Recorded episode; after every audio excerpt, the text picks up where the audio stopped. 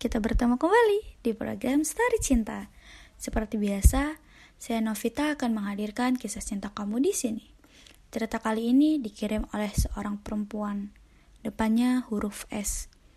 Kak, aku lagi ngejalanin LDR selama tiga setengah tahun. Pasti berat sih ini. Awalnya baik-baik aja kak, tapi semakin hari aku semakin ngerasa kalau dia berubah kak kalau ditanya aku capek enggak di hubungan kayak gini, jujur aku capek. Tapi sayang yang ngebuat aku bertahan sejauh ini, Kak. Hmm, LDR.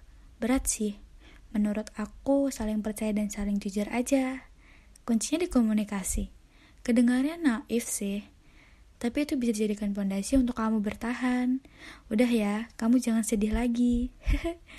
Terima kasih buat kamu yang sudah ngirim cerita ke aku. Terima kasih buat yang sudah berkenan dengar.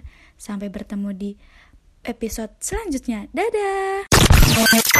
Mile FM, radionya anak milenial.